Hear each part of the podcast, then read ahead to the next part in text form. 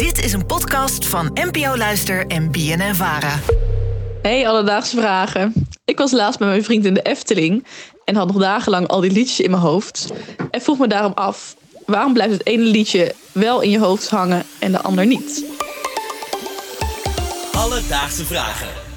NPO Luister. Natja uit Utrecht, dankjewel voor het insturen van deze vraag. Aaron, ik weet sinds kort dat je een muzikale jongen bent. Ben je ook iemand die vaak een liedje in zijn hoofd heeft? Eh, ik heb af en toe wel eens een liedje in mijn hoofd. Eh, ja, het verschilt echt eh, van de een op de andere dag welk genre. Het kan verschillen of ik het leuk vind of niet leuk vind. Daar komen we zo op terug en ik herken dat ook wel. Maar ik herken ook wel wat Natja zegt. Het ene liedje blijft een heel stuk beter in je hoofd hangen dan de andere. Hoe zit dat nou precies? Nou, iemand die dat wist, dat is onze collega Jan van Poppel van de podcast Keihard Klassiek. Hij was hiernaast bezig en ik heb hem even aan zijn jasje getrokken en gevraagd: hoe zit dat nou? Nou, allereerst, en dat is een beetje een open deur, moet je uh, het liedje leuk vinden. Als je het liedje niet leuk vindt, blijft het ook nooit hangen. En dat is gewoon echt persoonlijk. Tweede ding, en dat is wel belangrijk, het moet herkenbaar zijn. Dus er moeten een soort dingen in zitten wat toegankelijk is. Een riedeltje, of, uh, of iets, bijvoorbeeld muziek van Einaudi, die heeft dat ook vaak. Daarom blijft het hangen. En het derde punt is, en dat gaat daar dan weer een beetje tegen in, het moet verrassend zijn. Dus als het een kabbelende melodie is, ja, dat gaat niet blijven hangen, is nooit een oorworm. Niet uh, al fluitend het gebouw uit met die melodie. Er moet een soort ja, verrassing in de melodie zitten die zo nu en dan oppopt. Dat je denkt, hé, hey, hey, kijk, die melodie.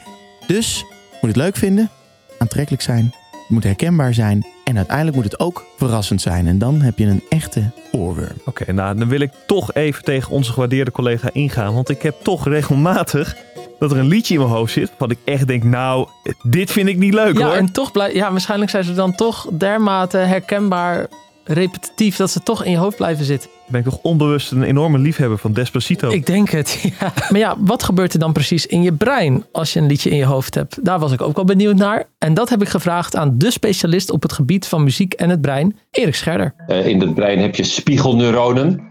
Uh, dat zijn neuronen die uh, je zorgen voor je inbeelding van iets. En dat kan een beweging zijn van iemand anders. Dat kan iemand anders zijn qua gezichtsuitdrukking of wat dan ook. Maar dat kunnen, ook, uh, dat kunnen ook melodieën zijn die je gewoon opeens je kunt inbeelden. En omdat er dus niet iets externs voor nodig is, maar je beeldt het je in, kan het ook blijven rondzingen, omdat het gewoon ja, maar door je, door je brein blijft gaan. En uh, zo is het dat mogelijk dat je zo'n zo'n oorworm eigenlijk creëert. Ja, een liedje wat maar rond blijft gaan in je hoofd en wat er maar niet uitkomt. Ja, en dat gebeurt dus door spiegelneuronen. Wat uh, Erik zei, een beetje uitleg daarover. Dat zijn de verbindingen in je hersenen die zorgen dat je iets in kan beelden. Dus een voorbeeld dat, uh, dat vaak gegeven wordt is... stel jij stoot je teen heel hard tegen de poot van de tafel hier... dan vertrekt mijn gezicht van pijn. Omdat je kan inbeelden hoeveel pijn dat doet. En die neuronen zorgen er ook voor dat een liedje, zonder dat je hem per se hoort... je hem eigenlijk wel in je brein hoort. Interessant. Um, maar goed, dan is de vervolgvraag natuurlijk. Hoe kom je er weer vanaf? Daar ben ik heel benieuwd naar. Er zijn verschillende manieren voor, volgens Erik. En uh, dit is de eerste. Een van de adviezen is... zet het hele nummer nog een keer op... maar dan gewoon op je... Ja, op Spotify of op een cd waar, waar je het ook op, op afspeelt. En luister nog eens het hele nummer af. Dat zou een idee kunnen zijn. Dan, dan, ben je er wel, ja, dan kan het zijn dat het brein het toch uiteindelijk opruimt... omdat het vanuit extern is. Hoef je eigen neuronen niet meer te doen. Ja, dat is dus één uh, manier. Je hoorde al Erik praten naar een tweede manier toe. Maar ik dacht, die, die gaan we even testen of dat werkt hier. Oké. Okay. Dus ik heb uh, hier deze meegenomen. hey, de Efteling. De Efteling. En nou heb ik hier ook nog iets anders bij Ja, me. dat is uh, kauwgom. Kauwgom, ja. Dat schijnt dus te werken. Dus ik zou zeggen, luister even goed naar deze muziek. Oké. Okay. Neem een kauwgompje. Niet te hard in de microfoon kauwen natuurlijk.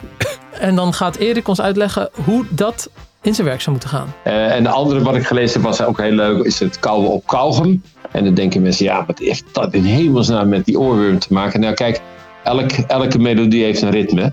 Uh, maar toevallig kauwen ook. En uh, als je aan het kauwen bent, dan zitten allerlei, je hebt allerlei ritmegeneratoren in je brein. Dus op het moment dat je gaat kauwen, heeft dat ritme van dat kauwen, ja, dat wordt ook vertaald in je brein. En dat kan dan interfereren, uh, zeg maar, de, het ritme van dat melodietje wat je in je hoofd hebt onderbreken. Uh, dat, kan, dat is meestal niet hetzelfde ritme. En dus het verstoort eigenlijk het ritme van dat melodietje, van die oorworm.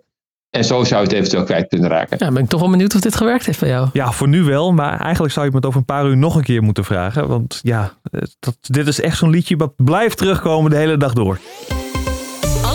Vragen. Ja, Aaron hoorde net al een deuntje uit de Efteling. En ik was wel benieuwd naar de maker van al die oorwormen, want ze hebben er veel. En eh, daarom hebben we even gebeld met deze maker. Die naam is René Merkelbach. Dat is sowieso een goede achternaam voor een componist. en ik vroeg hem of hij ook de opdracht krijgt om zo'n oorworm te maken. En hij zei dit. Je hebt zoveel muziek in de Efteling die dus eh, eh, blijft plakken, zeg ik altijd. Als een oorworm in je hoofd blijft zitten. Maar dat is nog nooit eh, de opdracht geweest. Dat is nooit het verzoek geweest. Wat ik voor mezelf altijd doe, is proberen een soort rondje in de muziek te maken. Uh, Joris en de Draak, dat is ook zo eentje. Doe dan nog een keer. En dan krijg je.